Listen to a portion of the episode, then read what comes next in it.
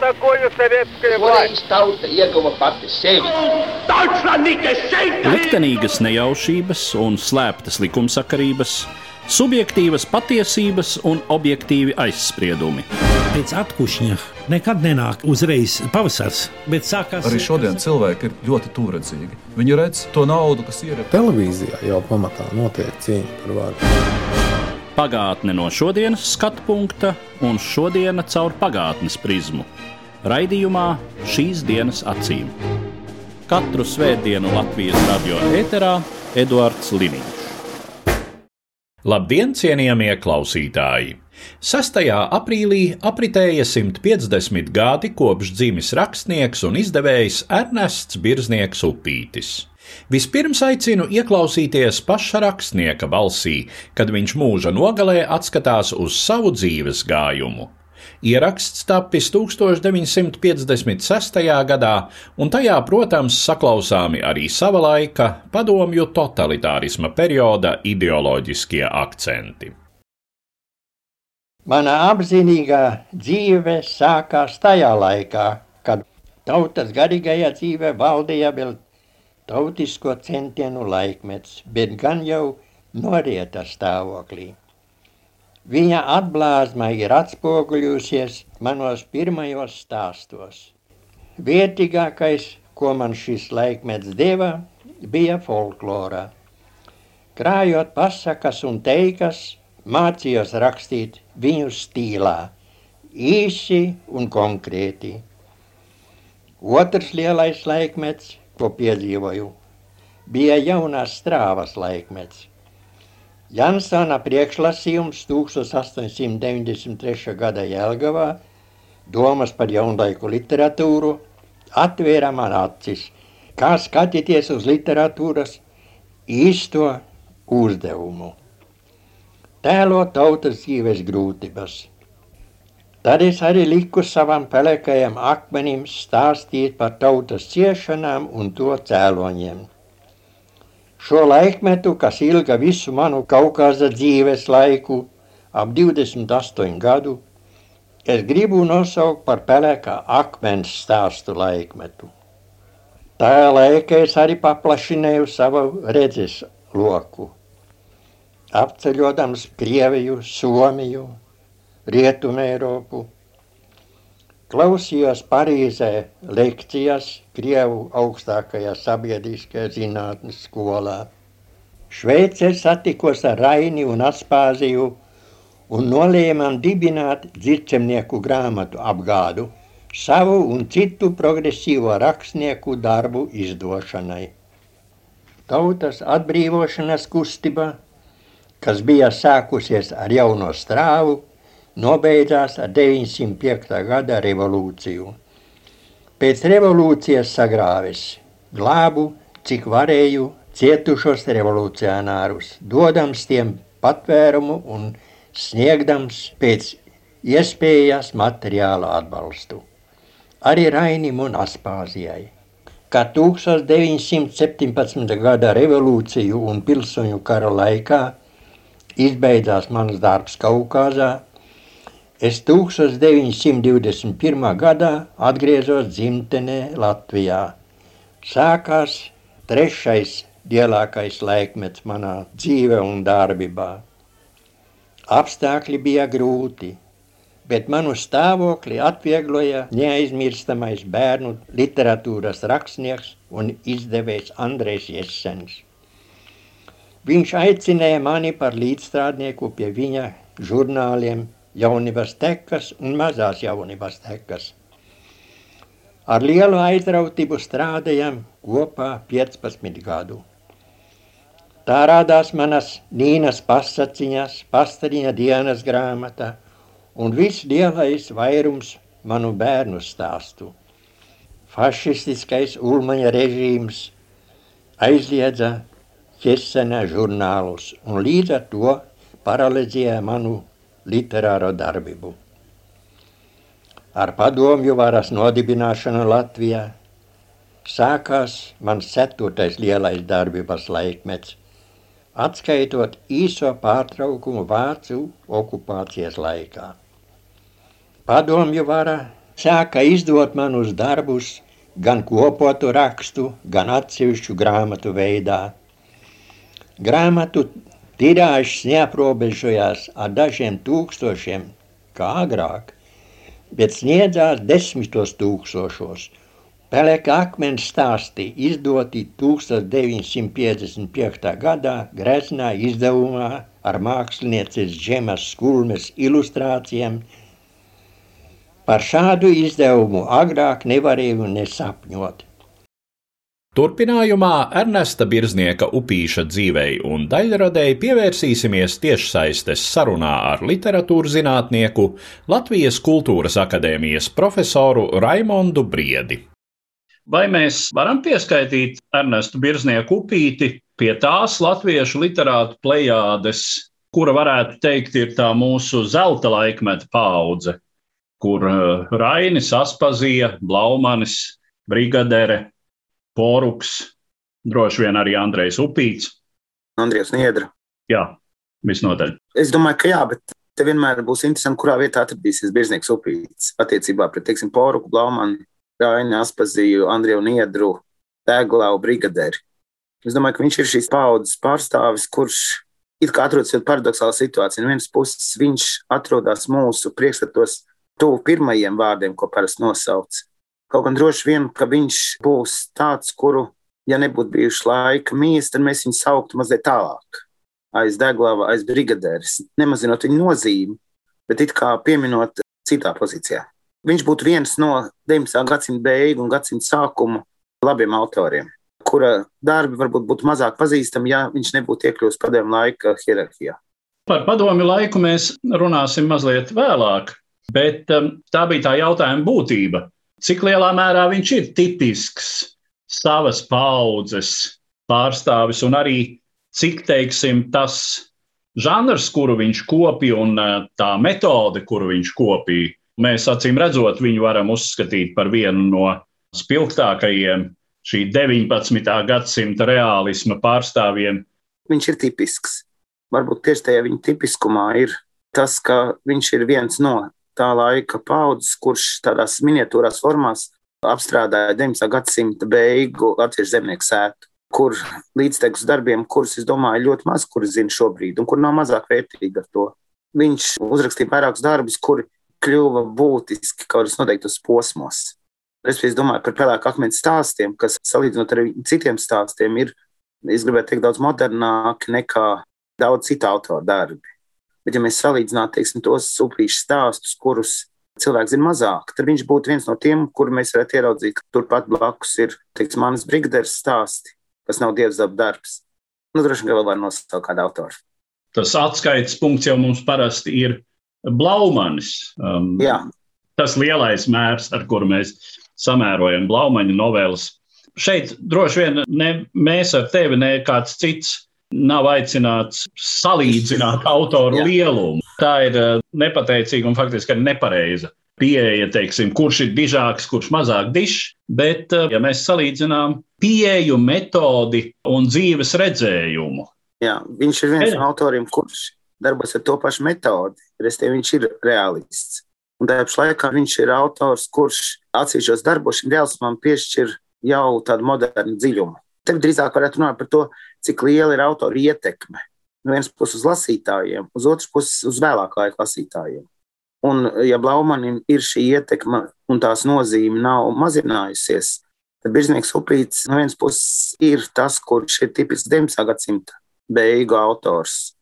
Un tajā pašā laikā ar atsevišķiem darbiem viņš iekāpa 20. gadsimtā. Viņš būtu tāds starp uh, apsīšu ēkabu un Blaumanu lauku skatījumā.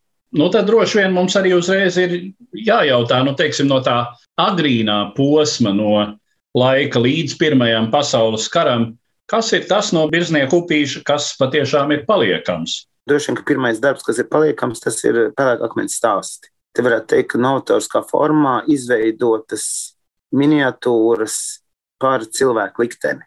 Un tas nav tikai par laukiem, tas nav tikai par latviešu zemniekiem, tas ir drīzāk stāsts par cilvēku likteni. Likteni, kurā cilvēks ir nolemts zaudējumam. Tā tad varētu teikt, ka tāds zināmā mērā jau eksistenciāls piesitiens.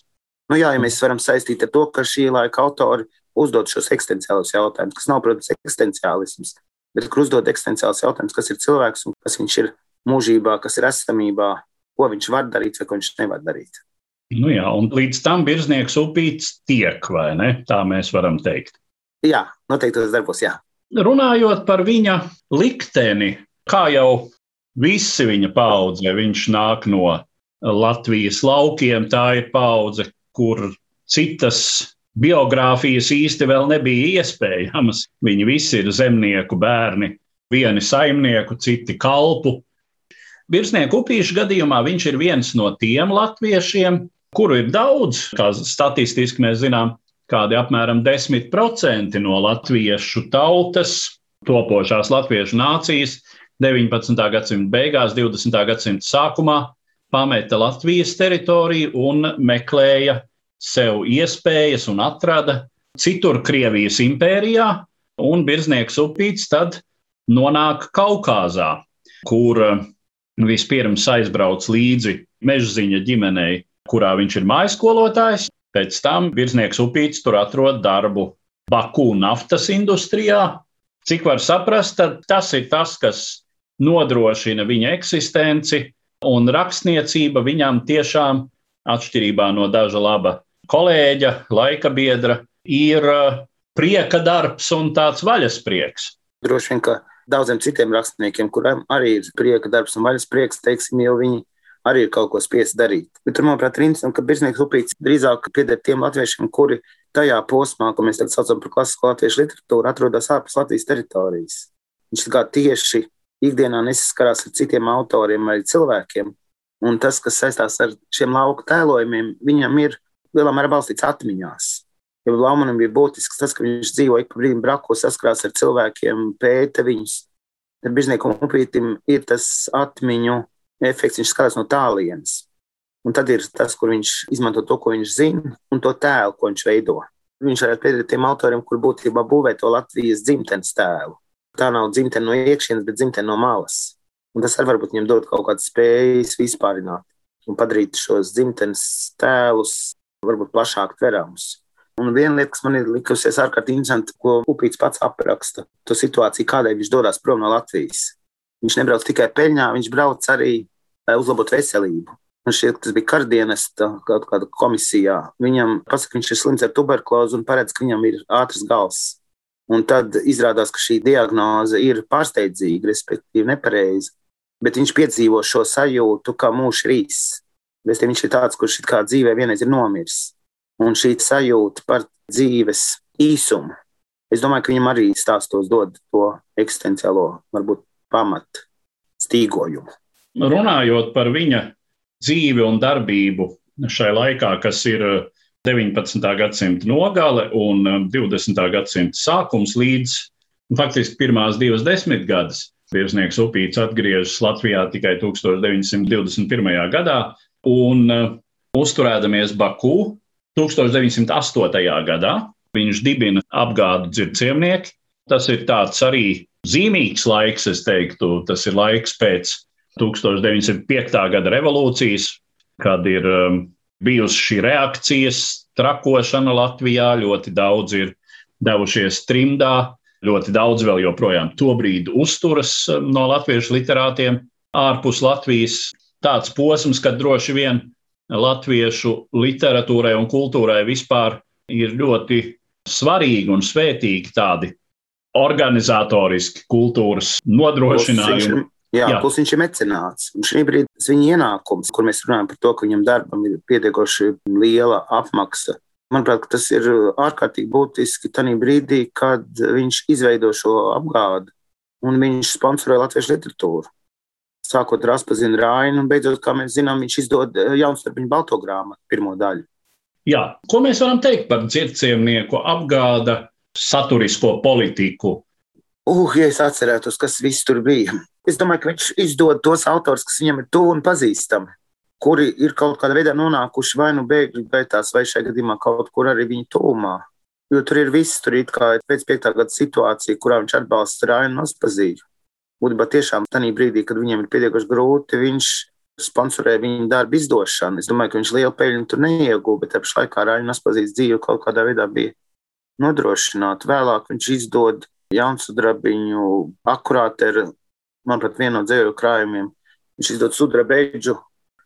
Kā tu jau teici, tātad peļņas tur īpaši nav. Nu, labākajā gadījumā tas uzņēmums darbojas, kā varētu teikt, pa nulēm, bet cik var saprast, viņš tur liek diezgan krietni iekšā savus ienākumus. Tas, es domāju, protams, ka viņi ienākumu uztur to, protams, izdevniecību. Un tas ir arī tas, kāpēc, manuprāt, dzirdzemnieki apraujās 20. gadā. Nu, viņš varētu, viņš droši vien arī turpināt kaut kādu veidu izdevību, taču viņam vairs nav tie lielie ienākumi, kas sektu izdevumus. Nu, šajā ziņā mēs varam teikt, ka Baku nafta ir netiešā veidā. Tiešā, tiešā veidā. Baku nafta ir tiešā veidā atbalstījis latviešu literatūru un padarījis viņu to, kas viņi ir. Tad ir atgriešanās neatkarīgajā Latvijā. Protams, ļoti loģisks solis, jo ko gan viņš varētu darīt padomju Krievijā īsti, teiksim, par spīti tam, ka, par ko mēs runāsim mazliet vēlāk, viņš ir viens no padomju varas favorizētajiem autoriem. Nu, acīm redzot, nekādas īpašas simpātijas pret bolševiku režīmu viņam nav bijušas. Birznieks Upīts pārceļas atpakaļ uz dzimteni, kur turpina rakstīt. Viņš sāk strādāt bibliotekas sistēmā. Un te, manuprāt, parādās interesanti. Tur pirmais posms ir tie stāsti, kuri top saistībā ar Latvijas teiksim, opu. Otrs ir tā izdevēja darbība. Un, manuprāt, viņš atrod kā jaunu šķautni vai paplašina to, kas saistās ar bērnu literatūru. Un tad, manuprāt, tā sadarbība ar Jesenu, kas sākās 20. gados, kā nodrošina regulāru publicēšanos un arī nepieciešamību pēc tā biznesa upīša rakstītā, jo viņa slava ir pietiekoši, manuprāt, zināma. Viņš izvēršas kā bērnu literatūras autors, ko, manuprāt, mūsdienās ir ļoti maz akcentē, jo uzmanības centrā nonāk šī sākuma gada proza. Bet eh, runājot par virsnieku upīšu daļradi starpkara periodā, nu tur ir viena no, katrā ziņā manā personiskajā vērtējumā, viena no izcilākajām eh, autobiogrāfijām latviešu literatūrā, proti, pastariņa dienas grāmata, kur viņš apraksta savu dzīves gaitu. Nu, it kā no vienas puses to ir darījuši ļoti daudz. Nu, viņš ir viens no sācējiem. Nu, ja mēs pieņemam, ka jau ir plūdoņa andulis, ir doku attis, ir jaunsudrabiņš, ir aspazīja, manuprāt, jau sākusi, un brigaders sāk. Tas ir laiks, acīm redzot, ka 90 gadu paudze sāk apstrādāt savas bērnības atmiņas šī pastariņa dienas grāmata, es savā laikā lasīju ar ļoti lielu patiku un interesi, pie kam manu lielāko interesi izraisīja tā trešā daļa, kur pastariņš aiziet dzīvē, kur uh, viņš arī nonāk. Aizkaukāzā. Nonāk aizkaukāzā, jā, un, un sāk apgrozīties šai naftas industrijas sabiedrībā. Un, uh, tas ir arī tomēr tāds spilgts piemērs šim latvieša ceļam un lielā mērā iespējām un uh, savas varēšanas apliecināšanai tā laika Krievijas biznesa krējumā, vai ne? Nu jā, un plus tad ir arī līdztekus pastariņam lielā triloģija. Tā līnija, kas, manuprāt, ir tikai īsti biznieku mupīti, tie ir tie kaut kāds stāsti. Tā it kā eksotiskā zeme, kuru viņš pieredz un kuru viņš izmanto sižetiem kas no birznieku upīša ir uh, tavā personiskajā grāmatplauktā, tā pirmā pozīcija? Jā, kā akmens stāsti. Pēcteļņa dienas grāmatu es lasīju jau lielākos gados. Es viņu lasījis kā skolā bjēlas fragmentus. Es izlasīju jau kaut kad pēc studijām. Un tas interesants man šķiet, ka tur ir ārkārtīgi jauktā faktūra, kurā viņš parāda pastariņu. Un tas, ka viņš no, no šī atmiņas stāsta par bērniem aiziet uh, līdz tādam brīdim, kad šī triloģija top, respektīvi no atmiņām līdz no laikam, kas ir ļoti pietuvināts tagadnē. Citi autori parasti paliek tajā laikā. Tad pabeidz, kad bērns sāk iet skolā, ieiet teiksim, darba vidē. Pastāvīgi it kā saslēdz kopā to atmiņu tēlu un biogrāfisko tēlu. Ar ko tad Ernests Birznieks Upīts bija nemīlams Kārļa Ulmaņa autoritārajam režīmam? Pēc 1934. gada viņu gan atlaiž no viņa darba bibliotēku sistēmā, gan eh, izmet no rakstnieku un žurnālistu arotbiedrības. Protams, nekādas briesmīgākas represijas tā laika kaut autoritārajā, bet tomēr samtainajā Latvijas diktatūrā jau neseko. Viņš var eh, turpināt publicēties un nodarbojas ar tulkošanu, bet tomēr, tomēr, par ko tad viņš bija nemīlams šim vadoņa režīmam? Ka viņš iekļautu to cilvēku grupā, kuri skaitījās kreisi.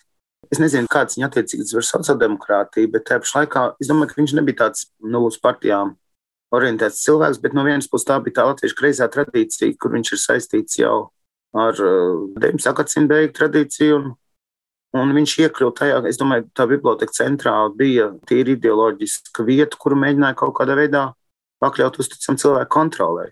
Tieši tāpat kā preses biedrība sašķēla Rakstnieku žurnālistu savienību, viņš iekļuva tajā grupā, kuri it kā neiekļāvās tajā preses biedrības teiksim, ideoloģiskā spektrā. Vienkārši viņš nebija sevi apliecinājis kā pietiekami savējais šim režīmam un uh, nozīmīgos un faktiski vispār valsts apmaksātos amatos un uh, svarīgākās pozīcijās bija jābūt savējiem. Es domāju, viņš jau tādos mūsdienās teikt pensijas gados nebija tāds jauns perspektīvas kadrs, kurš kaut kādā veidā būvētu tādu latviešu Latviju vai kaut ko tamlīdzīgu. Plus atmiņas kaut kur raksta apmēram to, ka pateicoties tam, ka upīts it kā ir bijis ārpus tās Latvijas vides, kurš nav pieredzējis tiešā veidā gan, teiksim, piekto gadu sekas vai pirmo pasaules karu šeit uz vietas. Ka viņa pasaules skatījums attiecībā pret Latvijas valsti, viņa bija kā valsts, bet tā nebija tāda, nu, tāds ar nacionālo patos varbūt saistīts autors. Tas var domāt, kā ir, kā ir izceļotājiem, kur dzīvo ārpus nu, teiksim, tādu ideoloģisko cīņu, sācinājumiem, vai kā mēs varētu teikt. Nu jā, varētu droši vien pieņemt, ka šī viņa reputācija nebija pietiekama. Nu, ja mēs runājam par to, ka bija vajadzīga noteikta reputācija, tad tā nebija pietiekama vai iespējams tādā atbilstīgumu, uzticamības aspektā šīs reputācijas iespējams te vai nebija vispār. Tā, Jā, vai viņš vienkārši tās dēļ tika izstumts no tās vides, kur ir saistīta ar valstiskām struktūrām? Nu jā, un uh, droši vien, ka tas, ka 1940. un jo sevišķi vēl pēc otrā pasaules kara Ernests Birznieks Lupīts kļūst savukārt par uh, padomju režīma visnotaļ ieredzētu autoru. Tur ir gan nopelniem bagātā kultūras darbinieka, gan vēlāk arī tautas rakstnieka nosaukums. Tā iespējams, ka tā ir tāda savukārt eh, inerce no tā, ka lūk, iepriekšējais režīms neatzina un zināmā mērā represēja, tad padomi režīmam savukārt Ernests Birznieks upīts bija ērts un tīkams. Nu, jā, viņš bija izdevīgs tajā ziņā, un šī brīdī visi viņa biogrāfijas norises pakalpoja ka viņus kaut kādā ziņā izvēlējās tai funkcijai, kur viņš, es negribu teikt, pildīja, bet tai funkcijai, kur viņš demonstrēja. Parasti par biznieku upīti nav pārāk tādas sliktas atmiņas vai lielie pārmetumi. Biznieku lielākais pārmetums ir tas, ka viņš iesaistījās. Bet viņam it kā nepārmet tādu lieku klanīšanos, nu, teiksim, jaunai varai, izkalpošanos. Jo lielā mērā viss, kas par viņu tiek teikts, tas saka kāds cits. Jo tur bija ļoti interesanti, ja paskatās, kā upīts pietuvojas padomu varai. Tad vispirms viņš stāsta atmiņas par sudrabeģu, tādu par rakstnieku, kuru arī savā ziņā izmantoja. Tas ir vienīgais, laikam, tāds kaut cik dzīvais un kustīgais un kaut cik nozīmīgais rakstnieks, kas ir palicis dzīves pēc 37, 38 gada. Ja viņš stāsta par sudrabeģu jubileju, un viņš ir kopā ar viņu bijis bezmazliet lielās, plašās Krievijas teritorijā, bet ne Latvijā. Viņš nav saistīts ar Latvijas autoriem. Un tas viņam ļauj publiski parādīties, tad stāstīt par Sudra Beģu, kurš tiek kodēts par padomu rakstnieku, un kur viņš ir personīgi pazīstams, dzīvojot nu, tādā lielajā, plašajā padomu savienībā. Plus tā viņa saikne ar realismu, kas ir ārkārtīgi būtiska, plus viņa izstumšana no šīs vidas 34. gadā, kas it kā ļauj viņam būt to rakstnieku rindās, kur tiek iekļauta rakstnieku savienībā. Man vienmēr šķiet interesanti, kā izveidojas tā rakstnieku grupa, kur katrs rakstnieks, tas nav tā, ka rakstnieki būtu nejauši. Viņi katrs pārstāv kaut kādu noteiktu darbības zonu. Manuprāt, ka biznieku upīte iekļauj tādēļ, ka viņam ir pietiekuši daudz gadu, viņš pieder jau tai tradīcijai, kur nāk no 19. gadsimta beigām, kur Andrejs Upīts pārstāv lielo prózu, Birznieks Upīts pārstāv mazo prózu un bērnu literatūru. Manuprāt, tieši tā viņa nokodēšana kā bērnu rakstnieku ļauj viņam it kā būt neitrālākam pret jaunajiem varas izpausmēm. Teiksim, es skatītos viņa stāstu, tur būs ļoti maz tādu akcentu, kas saistīts bērnu un padomu varu. Un tur vēl viņam vairākas interesantas lietas. Viņš brauc, brauc pēc sudrabeģu spēlēm uz Maskavu pakaļ 41. gadā. Un 41. gadā viņam ir, ja nemaldos, 70 gadu jubileja, kura tiek nosvinēta. Un tāpat kā Rainis ir lielā jubileja, kura tiek iezīmēta 40. gadā, un Rainis tiek sasaistīts ar padomu varu. Tā Biznesa upīts ir otra lielā jubileja, kurai tiek rīkot visādi pagodinājumi. Šeit tiešām it kā rakstnieku jubileja tiek izmantota, lai viņam piešķirt šīs papildus simboliskās nozīmes. Ja skatītos, ko viņš dara, viņš raksta, viņa pamatdarbi ir visi veltīti bērniem. Tad iekļūst skolu programmās, viņš it kā rotē tālāk. Un tāpēc es domāju, ka tieši tas reālskais stāsts bērnu literatūru un kaukās tēmu ļauj viņam iziet cauri visam padomu laikam un iekļūt tajā pirmajā, es nezinu, trīniekā, četrniekā, kuras piemin no paudzes, kura ir saistīta ar šo 19. gadsimta beigām un reālismu tradīciju. Vai mēs varam uh, paskatīt kādas ietekmes uz uh, latviešu literatūras procesu, kaut kādu virsnieku upīša stila metodas pārmantojamību nākamajās latviešu literātu paudzēs? Un ar ko vispār viņš mums ir interesants šodien, ja ir? Es domāju, ka katrs rakstnieks, ja viņu skatās īpaši, viņš ir interesants.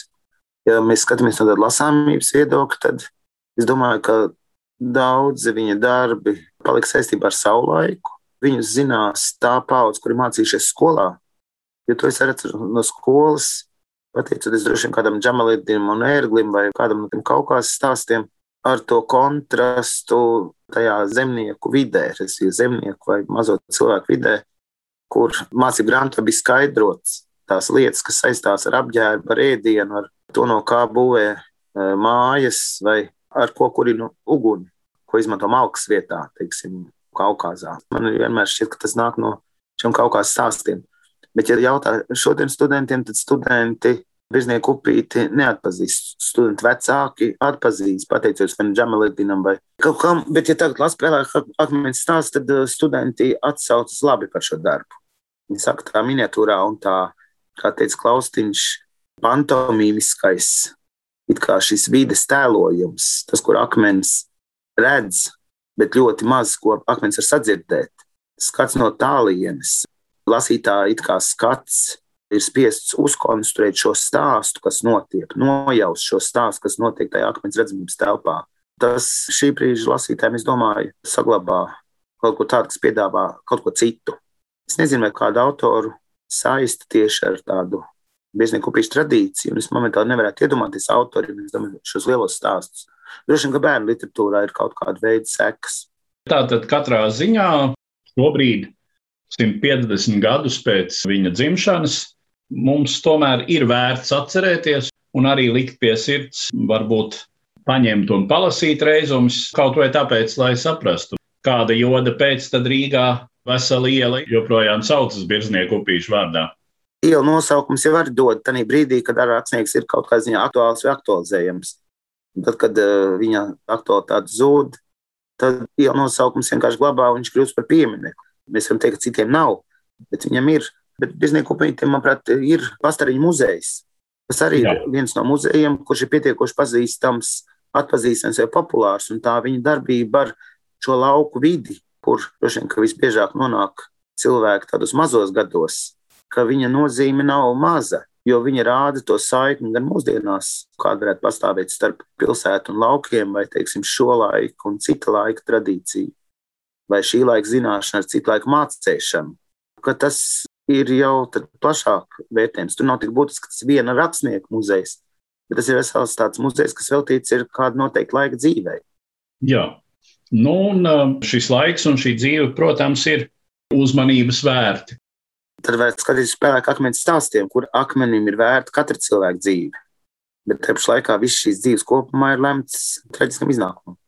Līdz ar to izskan mūsu saruna, kas bija veltīta rakstniekam un izdevējam Ernestam Birzniekam Upītim, kopš kura dzimšanas šī gada 6. aprīlī apritēja 150 gadi. Mans sarunbiedrs bija literatūras zinātnieks, Latvijas Kultūras akadēmijas profesors Raimonds Briedis. Uz redzēšanos, cienījamie klausītāji! Katru svētdienu Latvijas radio viens par pagātni sarunājas Eduards Liniņš.